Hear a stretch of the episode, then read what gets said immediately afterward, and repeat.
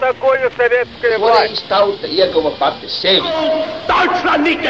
Liktenīgas nejaušības un slēptas likumsakarības, subjektīvas patiesības un objektīvi aizspriedumi.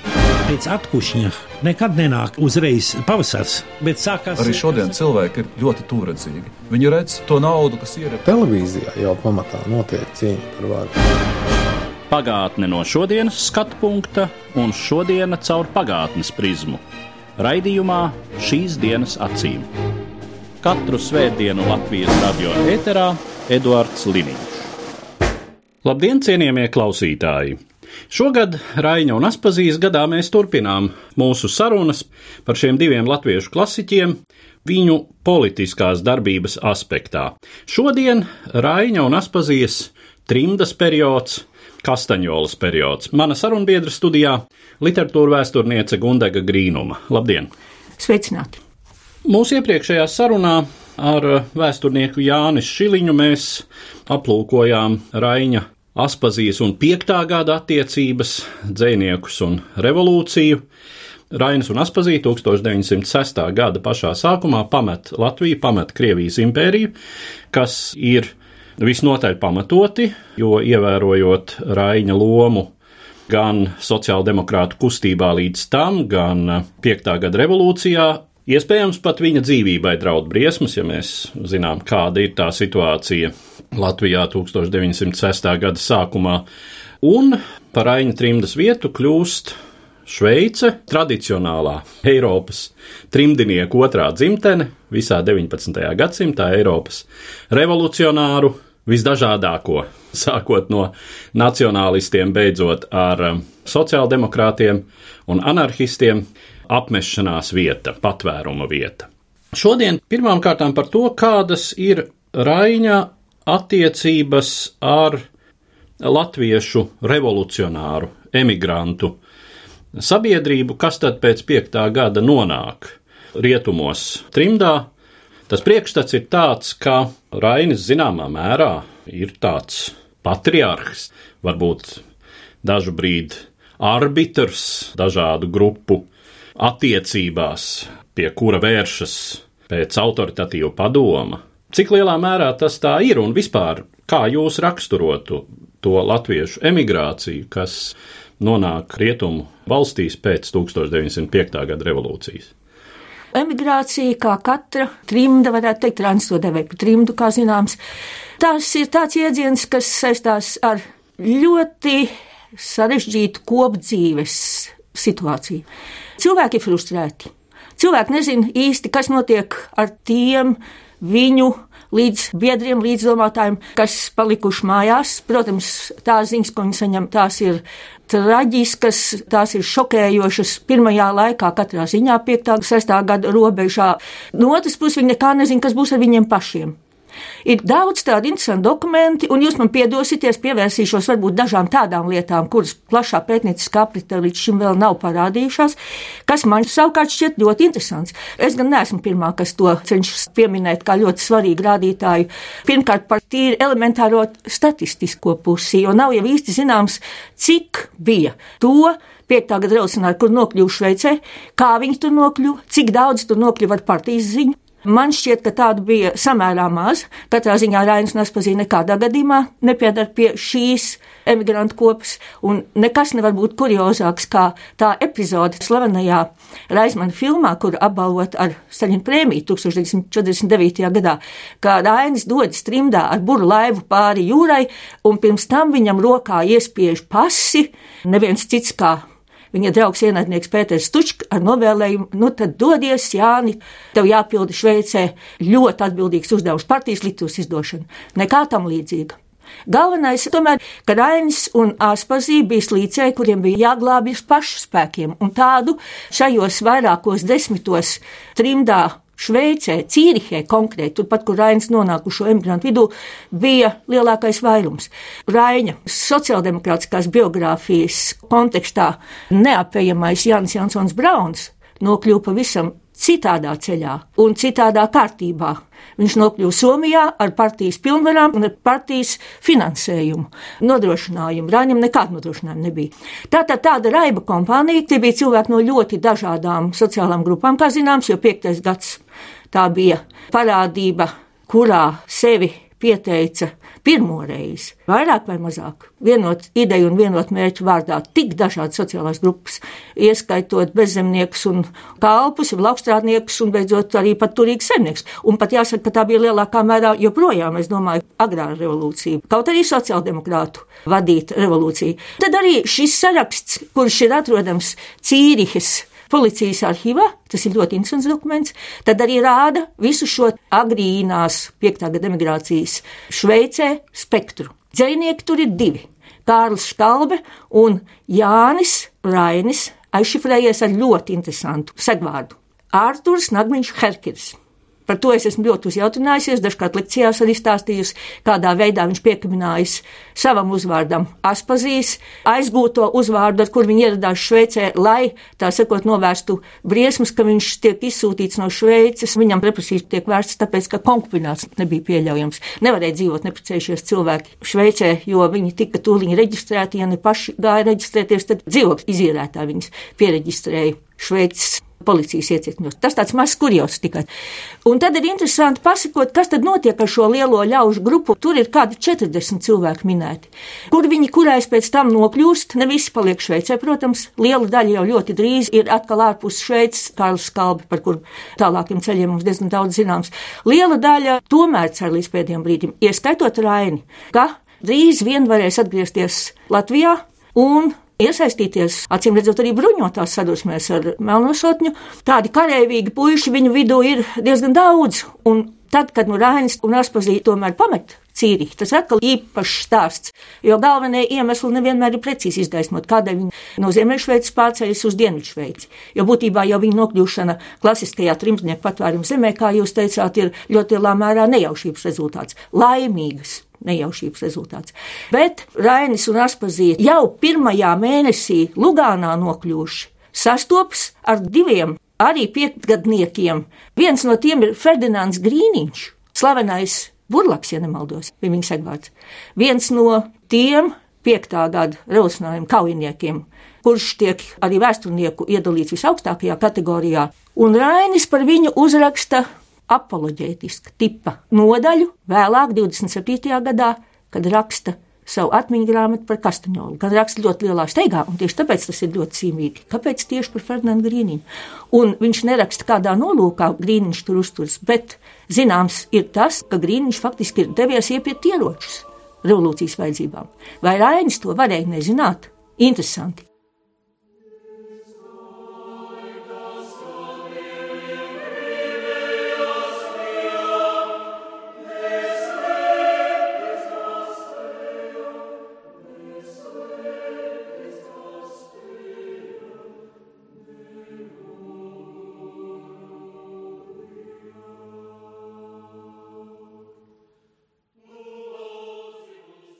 Istabiņā Vijā Cirkonvallone mēs piedzīvojām vienu lielu prieku. Mūs apmeklēja jaunais varonis Ferdinands Grīniņš.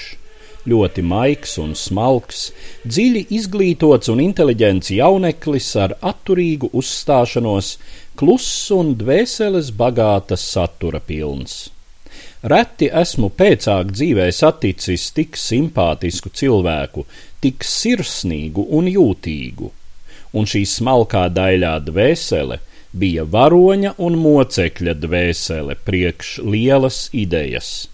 Viņa darīja jaunekli par bezbailīgu, tēraudu cietu kareivi priekš Latvijas un sociālisma. Viņš bija tāds varoņa tips, kādu es biju lūkojis tēlot savās drāmās smalks, garīgs spēks, kurš uzvar arī reālā, rupjā cīņā. Grīniņš nepalika ilgi trimdā, viņš alka pēc cīņas.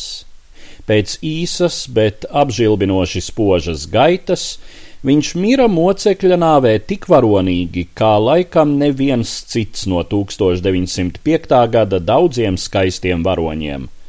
Esmu laimīgs, ka tiku dzīvu redzējis to, ko biju sev tēlojis tikai sapņos. No Raina atmiņu grāmatas Kastaņola.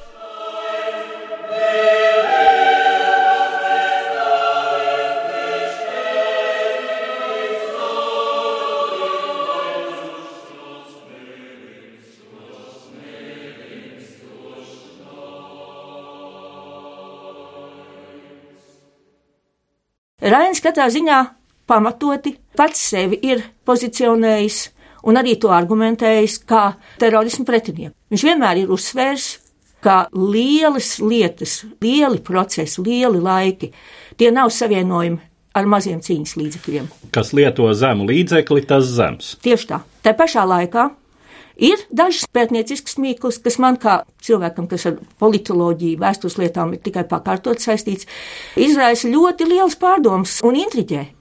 Viss tā Raņa banka laupīšanas lieta, cik tālu viņš bija iesaistīts, vai ir tiešām iespējams, ka dūmi bez uguns uzvirmoja tik ļoti pēc viņa nokļūšanas Šveicē 1906. gada augustā, kad tika iztiesāta Biržas bankas laupīšanas projektā apvainotā Friča Ehauts lieta.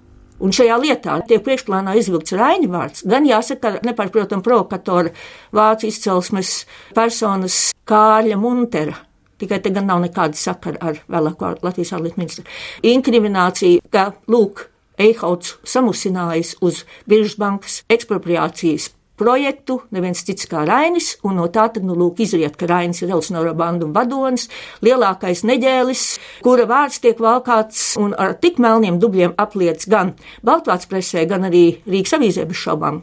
Frits Svenbergs ļoti labprāt pārķer šo domu, un Rainim ne tikai tas, ka tiek ļoti lielā mērā viņa reputācija sagandēta, arī to piekgadnieku acīs, kas palika ka Latvijā un izgāja cauri visām šīm represiju briesmām šausmām un laimīgā kārtā izgāja sveikā. Un arī daudzu partinieku acīs Rainis līdz ar to tik ļoti diskutēts. Un Rainis gaidīja, ka partijas oficiālie pārstāvji aizstāvēs viņu presē, partijas presē.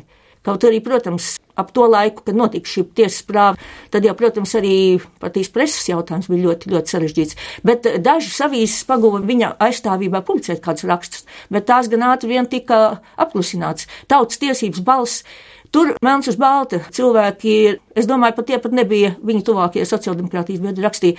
Kā Rainim var pierakstīt tādus nolūkus, un tas nekad nevar būt, ka Rainis lūk bija iesaistīts šādā afērā.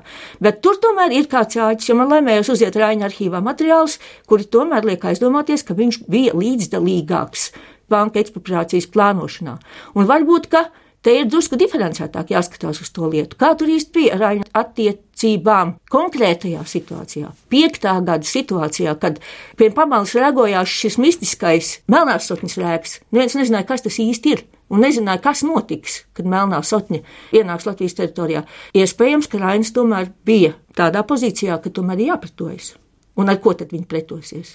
Viņa rīcībā taču bija kaujas organizācija, kuras vadītājs Rainis bija drīzāk gan ideologs jūrmalā vāc ieročus. Kas tad tie ieročiem? Dažas pistoles un vecas kramenītes. Tas viss, kas viņa rīcībā bija. Tā kā te ir tāds jautājums, kur es vēsturnieku vietā noteikti iedziļinātos un mēģinātu iegūt skaidrību. Es nepieminēšu tagad tos dokumentus, kurus es pilnīgi negaidīju uzgāju Raina arhīvā, kas it kā liek šo epizodu novērtēt citām acīm. Un lūk šī Ferdinanda Grīniņa ierašanās. Nav zināms, ko viņi runāja, kāda bija Raina attieksme pret to, ko bija iecerējis Latvijā veikt Fernands Grīniņš, bet atcerēsimies, kāds liktenis viņu piemeklēja. Šausmīgs liktenis. Ārprātīga mocīšana, spīdzināšana, gregus kantorī un pēc tam nošaušana bēgot pēdiņās, protams.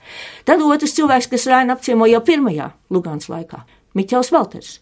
Atkal ļoti sarežģītas attiecības Latvijas sociāldemokrātiem ar savienībniekiem, kur gan arī sākumā saucās Latviešu sociāldemokrātijas savienība.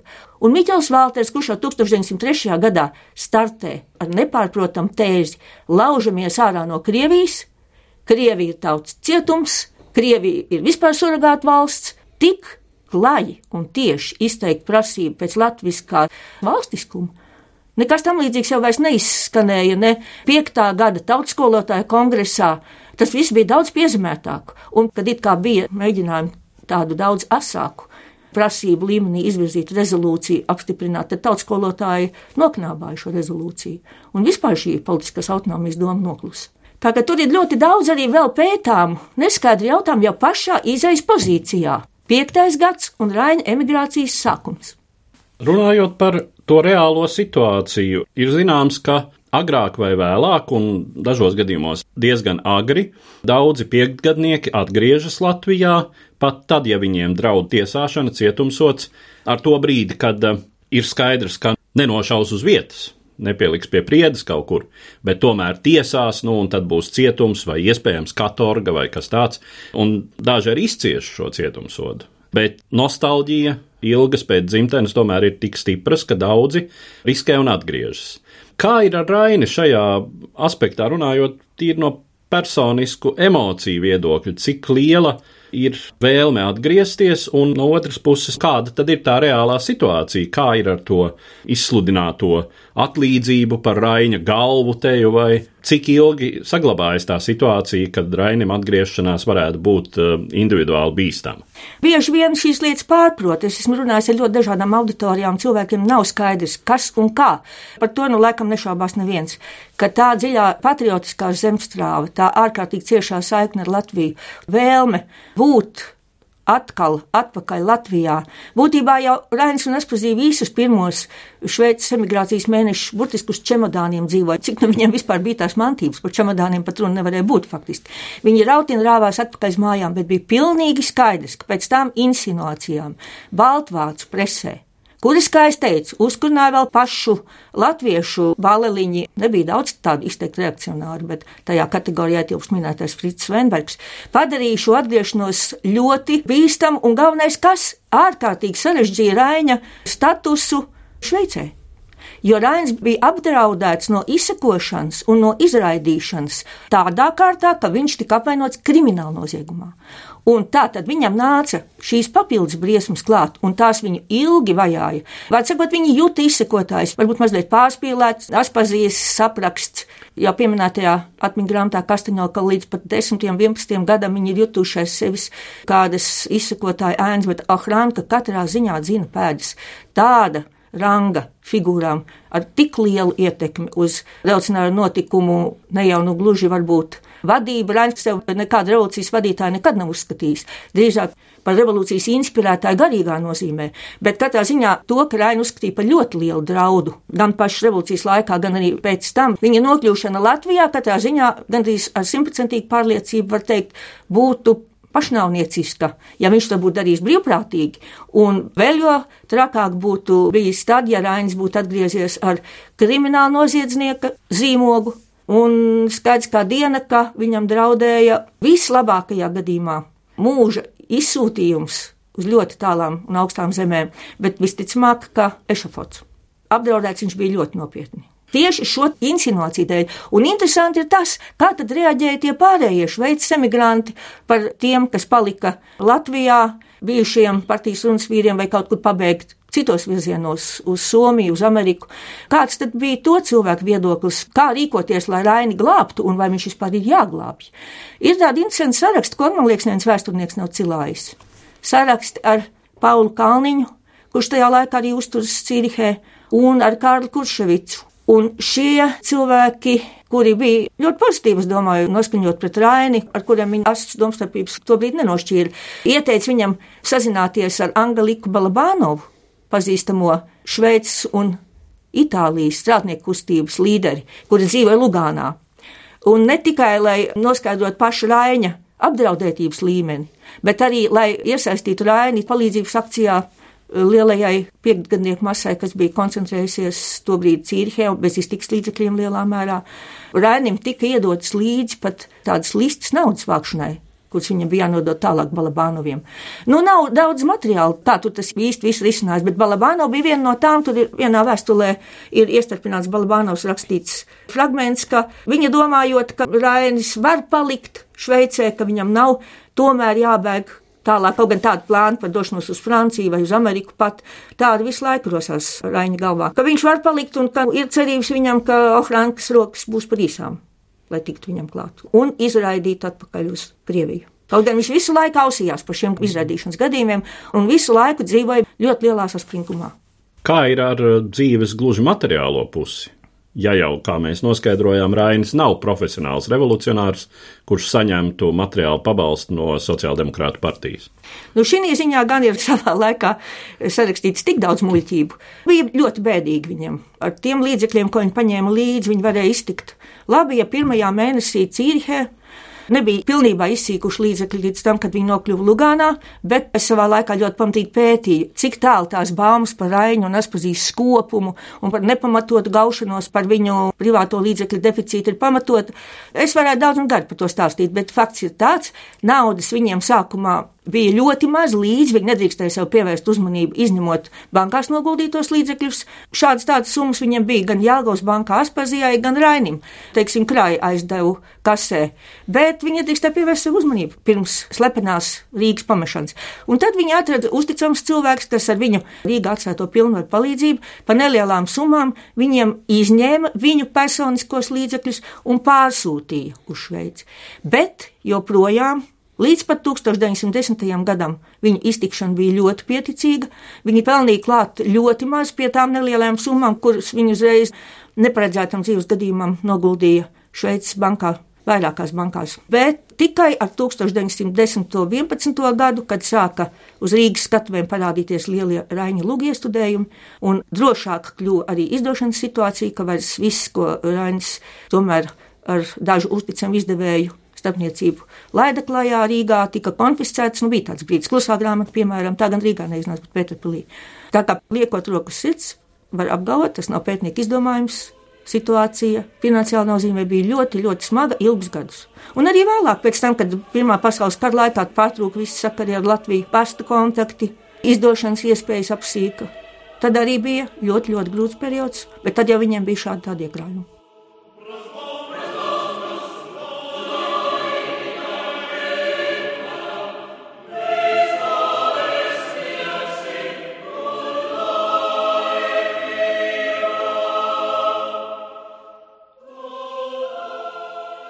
Grūti bija pirmie kastaņolas gadi.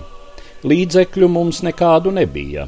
Latviešu grāmatas pirmos gadus pēc revolūcijas neizdeva, kuras izdeva par tām nemaksāja. Rakstīju korespondences ārzemju avīzēm, ļoti maz ko uzņēma. Ar laiku atdzīvojās Rīgas teātri un arī izdevniecība, un atdzīvojāmies arī mēs. Ap 1910. un 11. gadu jau sākām dzīvot un strādāt cilvēciskākos apstākļos. Viss grūtumu vairums bija jānes Aspazijai. Visu mūsu mazo saimniecību veda viņa, tirgū gāja un vārīja, vēl vairāk drēbes lāpīja un šuva. Es atceros, ka viņa staigāja pašas šūtos svārkos, un es valkāju viņas šūtos kreklus, Jāzina ir tas, ka viņa nekad tādus darbus nebija ne mācījusies, ne darījusi. Viņai palīdzēja tikai viņas lielā enerģija un labā orientēšanās spēja. Latvieti nav liktenim tik viegli nogremdēt, viņš pārvar visas situācijas. No Raņa atmiņu grāmatas Kastaņola.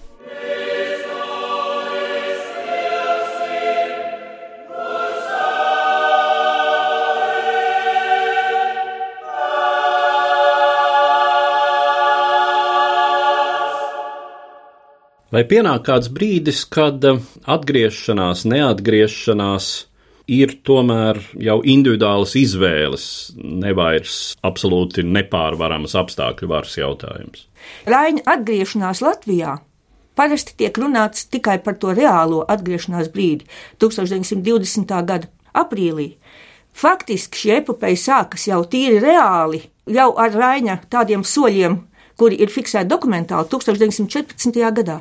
Viņš, protams, ļoti interesējas par to, vai viņš ietilps to politisko trimdnieku kategorijā, uz kuriem attiecas 1913. gada amnestija, bet noskaidro, ka tā uz viņu neatiecas.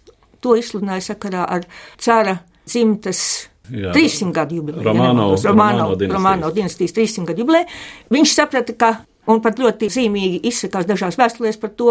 Ivana Kaja gavilē un aicina uz mājām, nu jūs varēsiet, nu jūs varēsiet braukt. Aspazīs situācija gan pavisam savādāk, par to būtu īpašanā. Bet 1914. gads augusts, Pirmā pasaules kara sākums. Es neatradu pieminēt šo faktu nevienā vēsturnieku vai politologu pētījumā. Rainis dodas uz Bernas vēstniecību un izņem dokumentu uz savu īstā vārdu - certifikātu. Tā nav pasi, protams, bet ar Krievijas vēstniecības darbinieku tāds ļoti, ļoti izteiksmīgs vārds, baltisks uzvārds, redzams paraksta formā uz šī dokumenta, un tur mēs tad arī redzam, kuri tad īsti autentiski dokumenti Rainimu Aspazijai galu galā bija. Es esmu izpētījis arī tos ceļus, kā viņi pie tādiem tika, jo šķērsojot robežu viņam nebija neviena īstā dokumenta. Viņi baidījās no kratīšanas uz robežas, un tur bija tikai šī nožēlojamā pagasta pasi uz Artur Nagliņu vārdu un Aspazijai aizdotais dokuments, ko viņi pēc tam aizmirs. Viņi pat aizmirs, uz kur vārdu viņai tas dokuments izdots tā Amālijas Herkirs pas.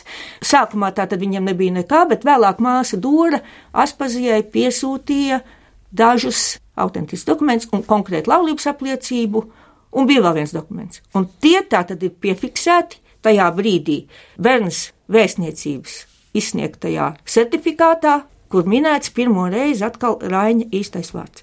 Bet tas nav vienīgais mēģinājums izrauties jau to laiku. Nu, tomēr kara apstākļi pierādīja, ka atgriešanās ir nereāla. Tur bija ļoti daudz sarežģījumu, Vēl viena epizode, ko nekur nevienā pētījumā jūs neizlasīsiet, ir tā, ka tie cilvēki, kas Raini glāba, viņu glāba viņa draugi, privāti personas. Nekad tur nevar piesaukt nevienu partijas angažētu cilvēku no augstākā partijas runas vīru ranga, kas nu tad būtu palīdzējis viņiem. Runa ir par Borisu un Annu Priedīšiem, kuri dzīvoja pie pašas tā saucamās Krievpolijas un Vācu un Austrungārijas robežas tādā īpašā trīs impērija robežu punktā un pārlaida pāris lepus Rainu un Aspazī 1906. gada janvārī pārobežai. Šie paši draugi bija atkūlušies tieši pirms pasaules kara sākuma uz Kastaņolu pie Rainu un Aspazīs, un tagad viņi nonāca pretējās lomās. Tagad Rainim vajadzēja gādāt cik nu viņam bija to iespēja, lai viņi varētu atgriezties atpakaļ Krievu polijā, tajā pasaules kara sākuma situācijā, un izrādījās, cik tas ir sarežģīti. Tātad eh, tajā brīdī bija ļoti, ļoti jāpiedomā pie tā, gandrīz neiespējami. Rainim Naspazijai atgriezties būtu bijis, bet tad nāca 17. gads, atkal mēģinājums atgriezties 17. gads, februāra revolūcija, Augusts Kirchensteins. Vai jūs esat dzirdējis par to, ka Augusts Kirchensteins 1917. gada sākumā strādā Lugānā? Pie tam tādā ļoti neparastā pozīcijā viņš ir iecelts par ierēdni savas tomēr ļoti augstās profesionālās kvalifikācijas dēļ. Viņš strādā ķīmijas laboratorijā un ir atbildīgs par ūdens kvalitāti Lugānas reģionā. Tātad viņi cieši kopā ar Rainas pazīju. Kirchensteinu Rainis labi pazīst jau kopš 5. gada vasaras, kad viņi abi kopā ar Federatīvās komitejas ziņu bija diezgan kuriozā projektā, varētu tā teikt, iesaistīti kur saistījās ar gaļas tirgošanu Daugamalā. Tas ir arī apsmaidāms fakts Raina biogrāfijā, jo tas lūk bija tas uzdevums, kuru Rainim atvēlēja šis augstākais sociāldemokrātu varas orgāns, kas tobrīd savās rokās turēja visas revolucionāra procesa organizatoriskās lietas. Kopš tā laika bija labi paziņas. Varbūt mazliet vairāk par to. Tas izklausās intriģējoši gaļas tirgošana Daugomalā. Tajā brīdī bija tāda sarežģīta situācija attiecības jaunajai varai ar Rīgas pašvaldību. Un draudēja streikot šie gaļas tirgotāji, tur izvirzīja savas prasības. Bija arī kaut kādi pārpratumi, acīm redzot, gaļas kvalitātes ziņā. Tāpat kā tagad mēs esam diezgan lielās šausmās, kas notiks, ja nebūs vajadzīgo kontrols mehānismu.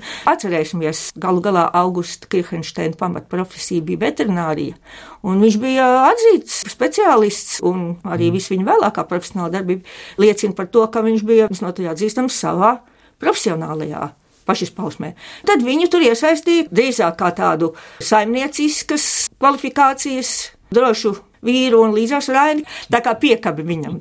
Bet redziet, Augusts Kirchensteins bija tas, kurš tūliņ pēc 17. gada februāra revolūcijas sapakoja savus mantiņus un atgriezās Latvijā. Laimīgi. Viņš neaizgāja bojā, kā aizgāja bojā Jans Jansons Brauns Ziemeļjūrā. Viņam laimējās nokļūt Kā mēs atkal vērtējam visu viņa tālāko darbu, tas pavisam cits jautājums. Tas jau bija tas pats, un tomēr jau cits augusts Kirchensteins, par kuru mēs runājam attiecībā uz 40. gadu. Bet Rainis jau arī, protams, rautin rāvās uz mājām, atkal izgādāja dokumentus. ne jau atkal pasi, bet certifikātu uz savu īstā vārdu, gan sev, gan Aspāzijai.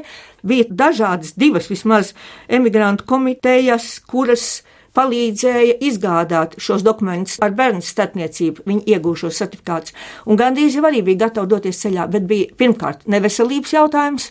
Viņi stipri slimoja ap 17. gada pavasari, abi divi Rēns un Aspazīja pēc ļoti Rainim neveiksmīgā 16. gada, kad viņš darbojās kā Latviešu komitejas Šveicē priekšsētājs un diezgan neproduktīvi, ar daudzām tādām peripētiem, kas ļoti viņu nomāca psiholoģiski un iedzina pat pilnīgā frustrācijā. Tas bija viens no iemesliem. Viņa un Aspazīs neveselība, un otrs iemesls jau arī bija ārkārtīgā nedrošība. Tā bija laimes spēle, jo tajā laikā garantēt nokļūšanu pa jūras ceļiem līdz Latvijai bija ļoti liels risks, un vēl vairāk Aspazīne vēlējās braukt ar kuģi nekādā gadījumā. Un vēl trešais, pirms 20. gada pavasara. Trešais mēģinājums ļoti reāls tieši pašā Bermuda cīņa priekšvakarā, kad Rēns jau bija pagūs aizsūtīt uz Rīgu Daugaus manuskriptu. Kā nokļuva Daugaus manuskripts, tas ir ļoti zīmīgs fakts neatkarības cīņu vēsturē, es domāju. Rainis arī pats gribēja sakot savam latviešu evaņģēliem uz Latviju, bet tieši tajā brīdī, kad viņi jau bija sapakojušies braucienam, bija jau nodrošināt viņiem ceļbiedri un pat Austis Krausas Ozoliņas brālis Kārlis Ozoliņš vairākus mēnešus bija palīdzējis Rainim un Aspazijai sapakoties ceļam. Viņi tomēr pašā pēdējā brīdī uzzināja, cik ļoti sāsinājusies ir situācija Latvijā un atteicās no šīs braukšanas idejas plāna. Tā kā redzat, cik gara ir šī epopeja, arī tādā redzējumā būtu vērts kādreiz to visu aprakstīt. Līdz ar to izskan pirmā daļa no manas sarunas ar literatūru vēsturnieci Gundegu Grīnumu, kas veltīta Raiņa trimdas gadiem viņa politisko uzskatu attīstības kontekstā. Mūsu sarunas nobeigumu klausieties šīs dienas acīm raidlaikā šo trešdien, 29. jūlijā, pulksten 14,5 minūtēs. Uz redzēšanos! Katru svētdienu Latvijas radio viens par pagātni sarunājas Eduards Liniņš.